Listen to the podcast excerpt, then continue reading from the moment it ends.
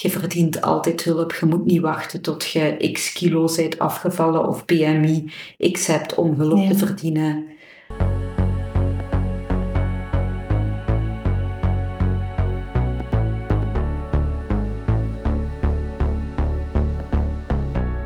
Hallo en welkom bij onze podcastaflevering van deze week. We gaan nog steeds verder in ons thema van eetstoornissen en PTSS. En vandaag mag ik eigenlijk uh, onze eerste getuige verwelkomen. En uh, dat is Nina. Dus Nina, dikke merci om te komen. Um, echt super tof. Uh, zie je daar zitten om je al eens voor te stellen? Ja, zeker. Um, dus ik ben Nina, ik ben 34 jaar. Ik ben verpleegkundige diabeteseducator van opleiding. Um, ik heb een zoontje van 9 jaar. Mijn partner heeft twee dochters van 16 en 18. Dus we hebben een samengesteld gezin. Um, en ja, ik vecht toch al meer dan de helft van mijn leven tegen een eetstoornis. Oké, ja, dat is wel al, allee, dat is wel echt al een lange periode. Ja, toch. En zijn er nu vol een bak um, aan het proberen voor herstel? Of hoe? Ja, toch wel. Um, allee, ik ben fysiek min of meer hersteld nu na verschillende opnames, vorig jaar nog. Um, in mijn hoofd is het soms wel nog moeilijk. Ze zeggen dat dat altijd later komt, dat meer tijd nodig heeft. Ja, um, dat ja. klopt ook. Dat ik, duurt ook gewoon een beetje langer en dat is nog ja. meer er tegenin gaan. Hè? Klopt, ja. ja. ja. Ik zou zeggen, ik ben herstellende. Ja, ja. maar ja, dat is al kei schoon, hè? Ja. dat op zich. Um, en verder zie je dat eigenlijk zitten om jouw verhaal een beetje te vertellen. Wat dat maakt dat jij um, ja, bent ingegaan op onze uitnodiging om te spreken nu. Ja, um, zeker. dus ja, het gaat over posttraumatische stress. En als mensen dat woord horen, denken ze altijd aan de trauma's met een grote T, zoals oorlog, um, buitensporig ja. geweld en zo. Maar eigenlijk, ik wist dat zelf niet, kunnen mensen ook posttraumatische stress hebben door kleinere gebeurtenissen, zeg maar. En Absoluut als ik doorheen mijn eigen leven kijk, zeg maar, is het zo een opstapeling van allemaal verschillende dingen geweest. Mijn eetstoornis is eigenlijk begonnen toen ik zeven jaar was. Dat is heel jong. Ja, dat is heel jong. Mijn ouders zijn toen gescheiden. Ik weet mijn ouders niks kwaad over. Nee, nee, maar ik begrijp het wel. Dat is een ingrijpende gebeurtenis. Voilà. En ik heb daar eigenlijk op gereageerd door te beginnen emo eten als kind. Ik weet nog dat ik met mijn zakcentjes stiekem zakken snoep en chips ging halen, dat ik daarop at. Um, dan obese geworden redelijk snel. Gepest daarvoor. Dat was het volgende dan. Dan, mijn mama wilde goed doen met mij naar de diëtist. Ik was acht jaar, die zei dat ik geen patatjes meer mocht eten.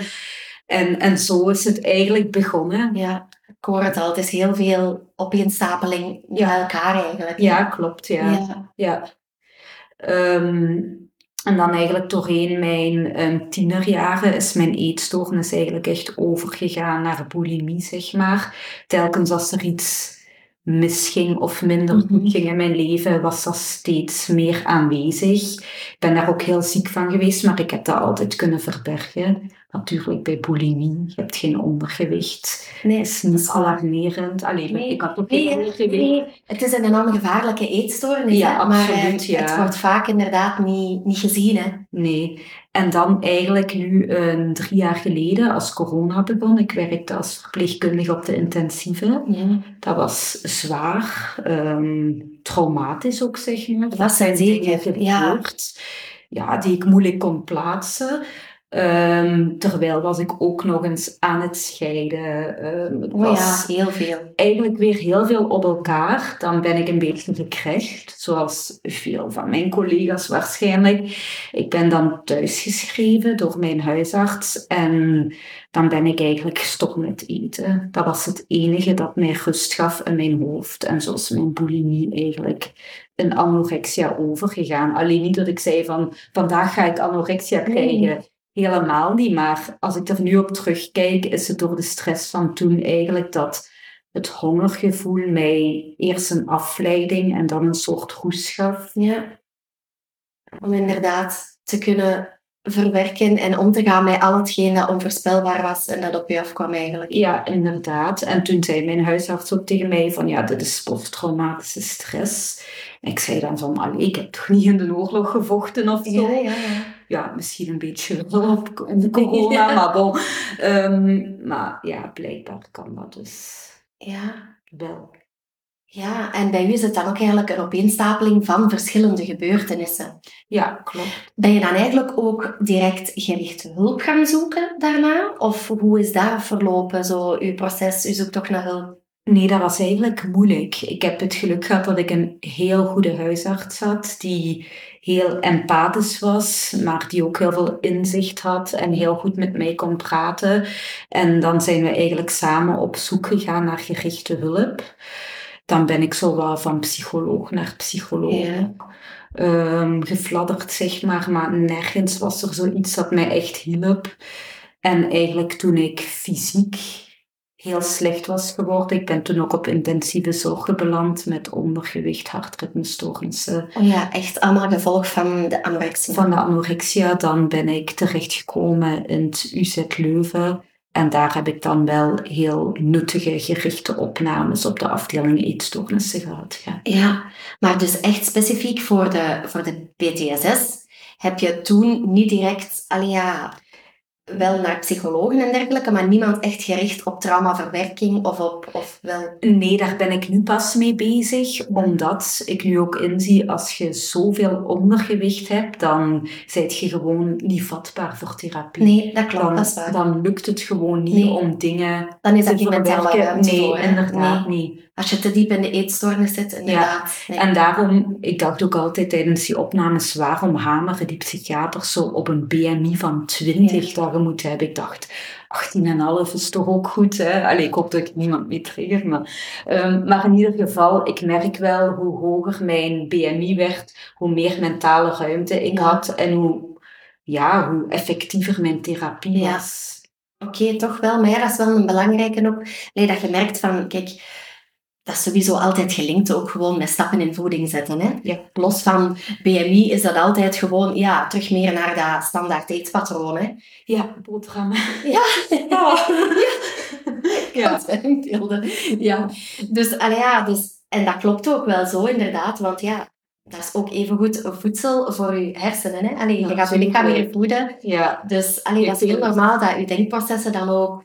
Ja, als je echt in tips van je anorexia zit, ja. vallen ook je denkfuncties uit. hè. Ja, absoluut. En nu merk ik dat als ik zo met mensen spreek die zelf nog heel diep in hun eetstoornis zitten, dan zeg ik soms tegen mijn man, amai, was ik ook zo rigide in mijn denken? En Ja. blijkbaar wel. Ja. Maar als je er zelf dan- in zit, heb je dat niet door. Hè. Nee, dat is het nee. moeilijkste van al, denk ik ook. Ja, dat is Allee, ook wel een van de moeilijkere. Ja, een grote les geweest. Je kunt de beste hulp en de beste Ja. psychiaters hebben en alles wat je wilt, maar zolang je geen boterhammen eet, gaat je er niet uit geraken. Oké, ja, maar dat is ook wel een belangrijke om wel aan te kaarten van, kijk, het is ook wel hè, belangrijk om dan eerst in te zetten op die eetstoornis. Allee, of toch de, de, de belangrijkste aspecten daarvan. Ja. Vooraleer dat je ook eigenlijk pas sterk genoeg bent, ehm, lichamelijk en geestelijk dan, Ja. Ehm, om verdere stappen te zetten naar de verwerking toe. Van, allee, ja, Klopt, ja. naar het, allee, om echt het trauma aan te pakken. Ja, want bij traumaverwerking is het nu ook zo heel erg ehm, ja, in, zeg maar, om EMDR Ja, te doen. Ja, inderdaad. Ehm, en blijkbaar is een eetstoornis een absolute contra-indicatie Ja. ook. Om dat te mogen doen, moet je dus echt wel eerst Ja, dat is waar. fysiek hersteld Je zijn. moet eerst ook vooral ehm, andere copingmechanismen aangeleerd hebben die dat gezonder zijn. Je moet iets hebben om op terug te vallen. Ja, Alleen je moet je terug, hè, want emotioneel is EMDR heel zwaar ook. ja. Want je gaat eigenlijk terug, ja, dat, terug je trauma oprakelen, bovenhalen. Ja. En, en, en allee, ja, terug voor, letterlijk voor de ogen halen.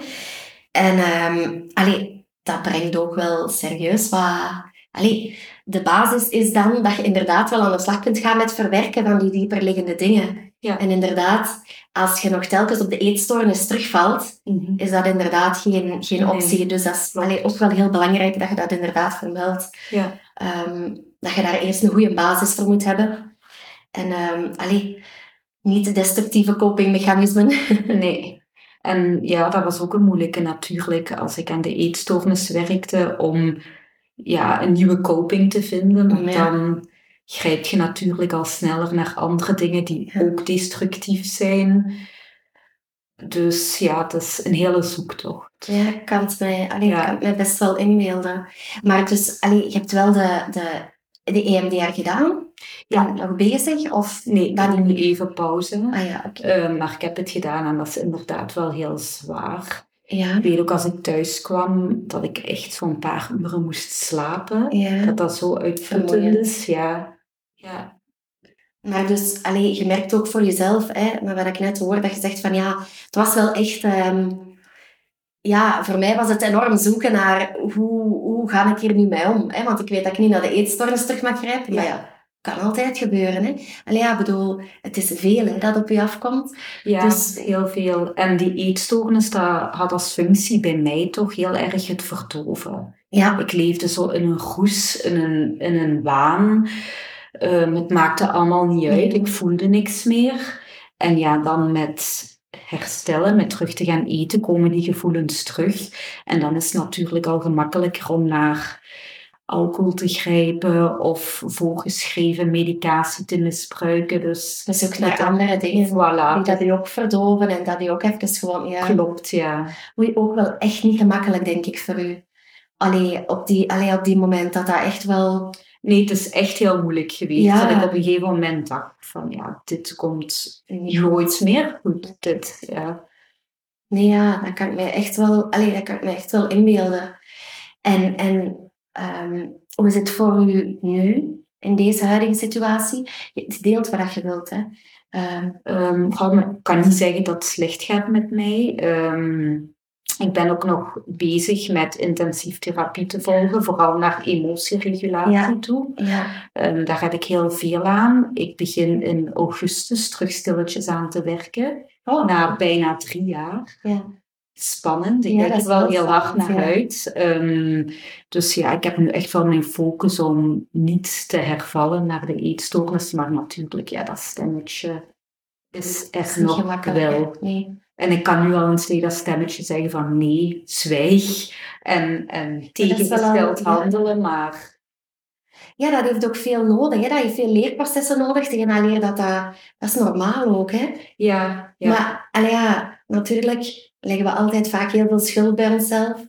ja. En ook als je er op de duur al zo lang in zit, is het soms gewoon is het niet makkelijk. En is het wel belangrijk, want ik vind dat wel heel sterk wat je zegt, van ja, het lukt mij wel al om alleen er een weerwoord op te geven. En dat op zich vind ik wel al heel veel ook. Ja, toch wel. ehm, ik, het is zo, ik zie het nu als een deel los van mij. Ja, Ik was mijn eetstoornis en nu zie ik het als ja, een ander deel waar ik niet naar moet luisteren. ja, ja, ja ik snap het. Dus dat wat ze in de psychologie zo'n beetje dissociëren noemen.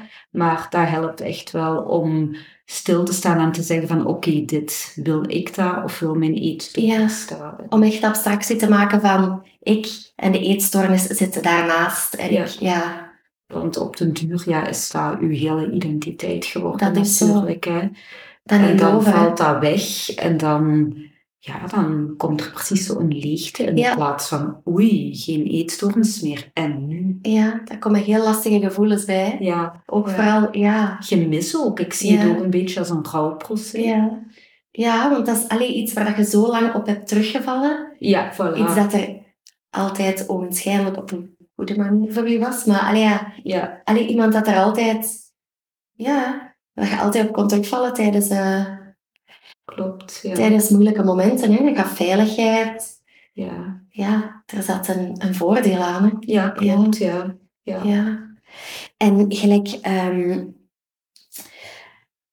als je, allee, gedurende, hè, want je vertelt ook ehm, over, over, over je kinderjaren. Mhm. Ehm, hoe heb je daar ooit hulp gezocht voor verdere dingen buiten hè, dan dat je naar een diëtist gegaan bent? Dus echt puur, allee, ja, is Eh, daar ooit iets allee, van opgemerkt of is dat allemaal echt vrij allee, ja, Ja. onduidelijk en voor de buitenwereld echt niet... Nee, ik heb dat echt wel kunnen verbergen, want Ja. als ik er nu ook zo over praat met mijn ouders of Ja. zo. Mijn papa heeft al vaak gezegd van, maar allee, en waarom heb je dan niks gezegd? En, maar ja, dat is natuurlijk wat een eetstoornis met u doet. Hè. Ja. Dat isoleert u totaal van alles en iedereen. En, en ja, nee, ik heb eigenlijk heel lang geen hulp gehad. En ergens maakt me dat ook wel kwaad op mezelf, maar dat is dan weer, weer heel oordelend.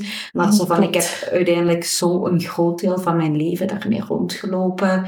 Ik heb nu hulp die nuttig is. Waarom heb ik niet eerder hulp gezocht? Maar ja, kijk.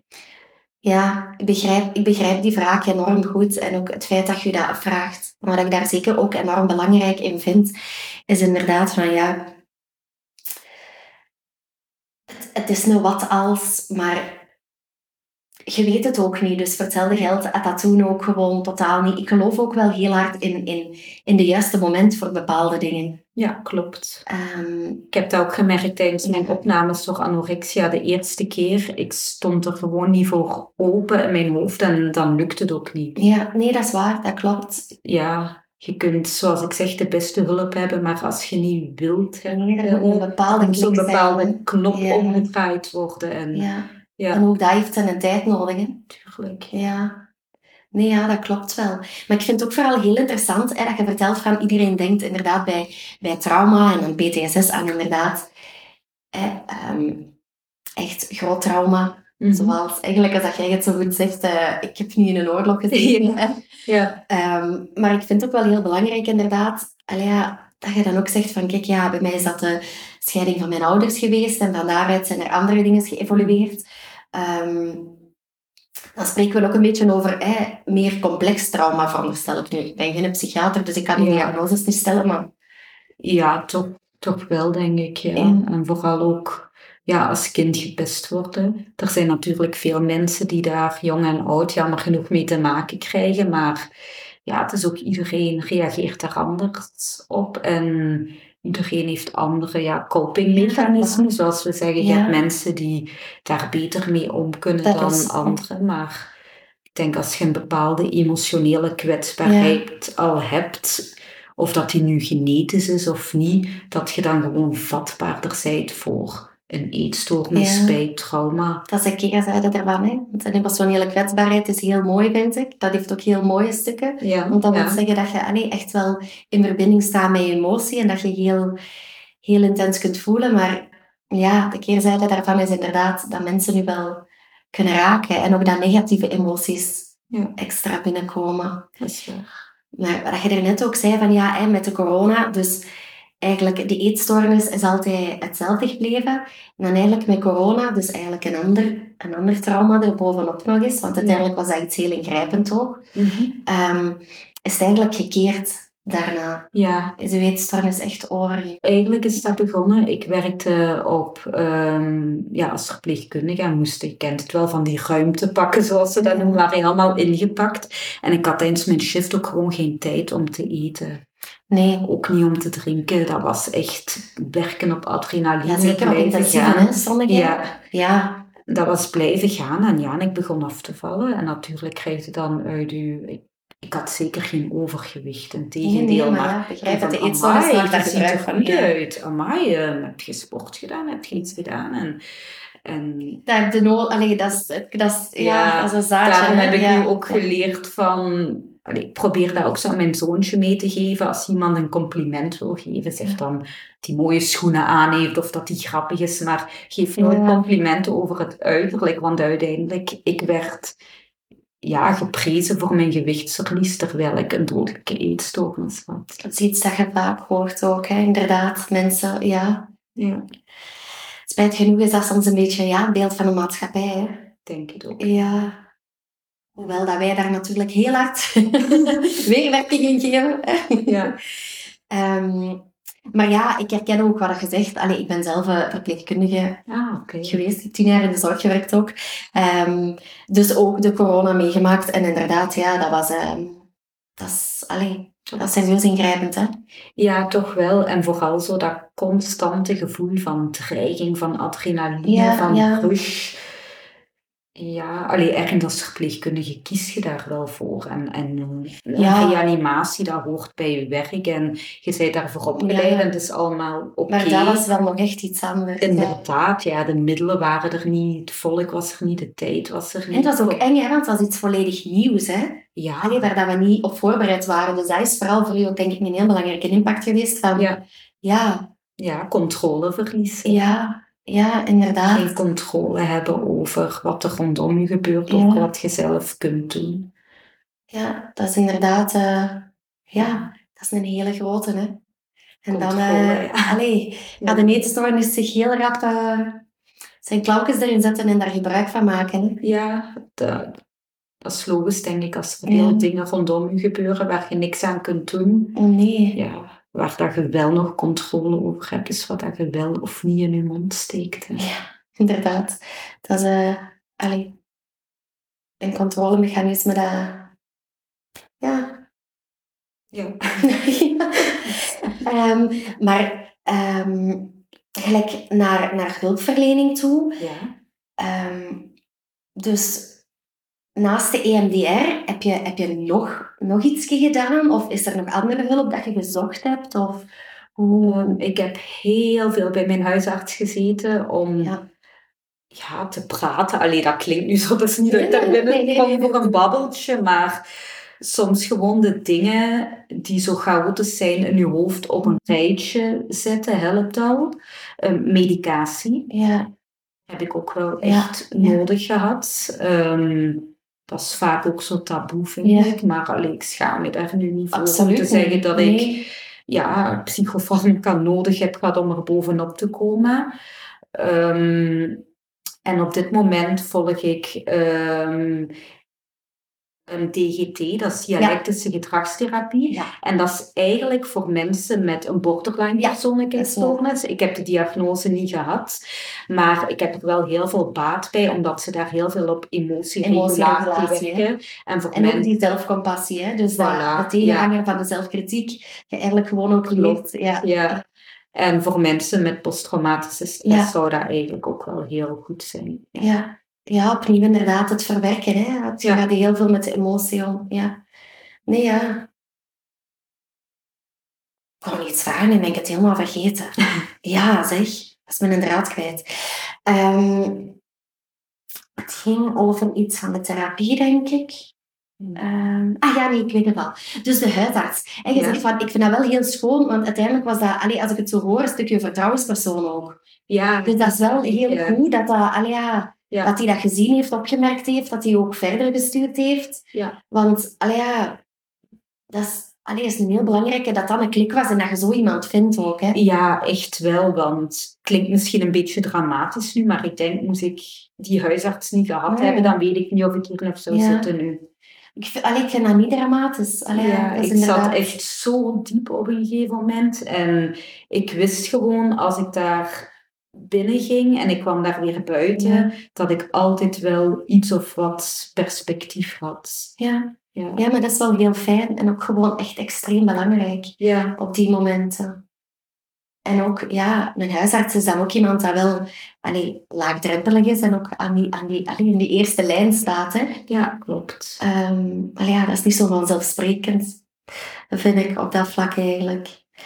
En, en voor de rest, allee, dan in uw kinderjaren en, en ja, de periode voorafgaand eigenlijk, gelijk, allee, ja, dan het pesten en dergelijke. Ehm, uw eetstoornis, is daar altijd wel aanwezig gebleven? Of was dat zo eerder fluctuerend? Of hoe... Nee, die is er altijd wel geweest met periodes meer op de achtergrond. maar ja. ik merkte vanaf het moment dat het niet goed ging met mij, was die er. Ja, ja. Dan komt hij eh, terug uit zijn kot. Als Ja, inderdaad. Ja, ja. Ja, Ik denk nee. dat iedereen met een eetstoornis dat ook wel herkent. ja, absoluut. Dat is zo. Is er nog allee, verder voor u iets dat jij zou zeggen van kijk, eh, dat wil ik aan anderen meegeven ehm, die trauma hebben, of dat nu PTSS is of complex trauma, of, eh, ehm, dat is iets dat ik eigenlijk echt wel geleerd heb, of een tip dat ik kan meegeven, of zo op die manier. Ik denk vooral uw eigen trauma niet uh, minimaliseren. Ik had altijd zo het gevoel van wat ik heb meegemaakt is toch helemaal zo erg niet. Er zijn ergere dingen, maar ik weet nog, ik was opgenomen in het ziekenhuis en um, een dokter zei op een gegeven moment tegen mij van zeg, um, gelukkig zijn is wel meer dan dankbaar zijn dat je geen dodelijke kanker hebt. En dat kwam bij mij echt zo aan als, ja, eigenlijk inderdaad, ik kan voor zoveel dingen dankbaar zijn, maar ik mag ook verdriet hebben en niet blij zijn met de dingen die minder goed zijn te gaan. Dus ik denk vooral durven toegeven van kijk, ik kan het niet alleen en ik heb hulp nodig. En... Ja, inderdaad. Ja.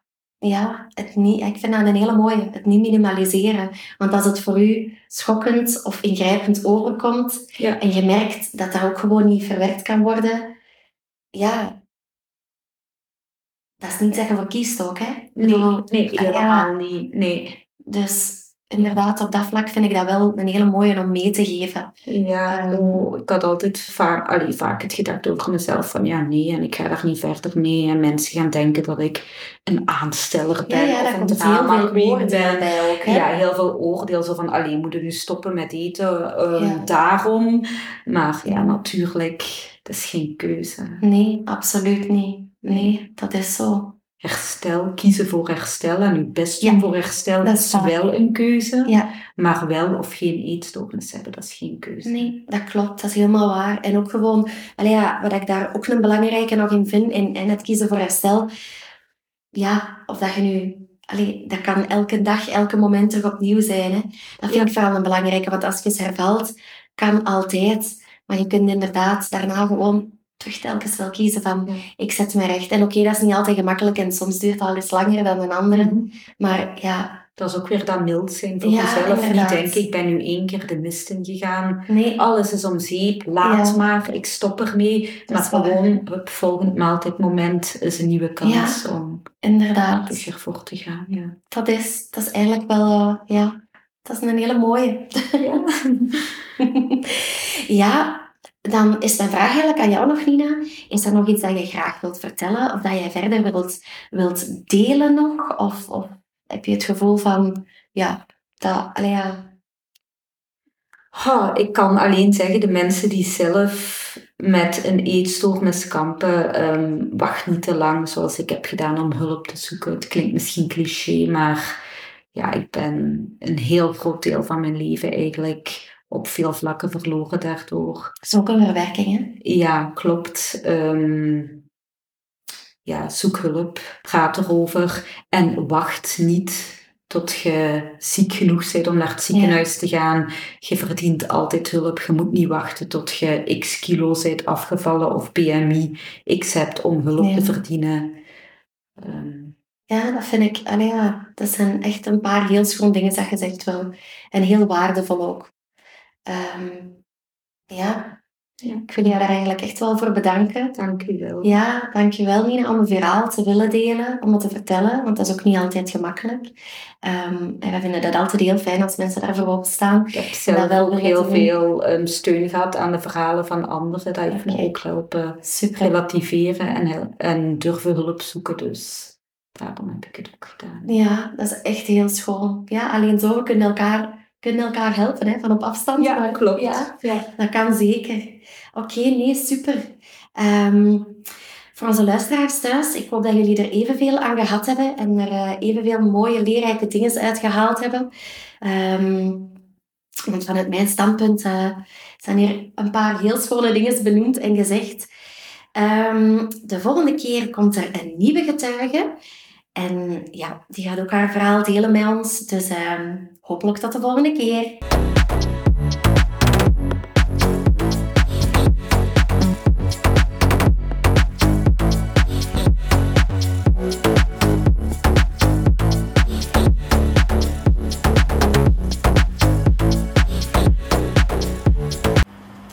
We weten dat dit natuurlijk geen makkelijk onderwerp is om over te praten, of dat het misschien eventueel gedachten of gevoelens naar boven heeft gebracht. En daarom willen we je echt eraan herinneren dat je ook ergens terecht kan. De mensen van AWEL staan eigenlijk altijd klaar om je verder te helpen. Het kan zijn een belletje of via de chat, maar je kan ook natuurlijk altijd bij ons terecht um, op de vrijdagavond als je vragen hebt of ergens mee zit. Dus je bent zeker niet alleen en vergeet dat ook niet.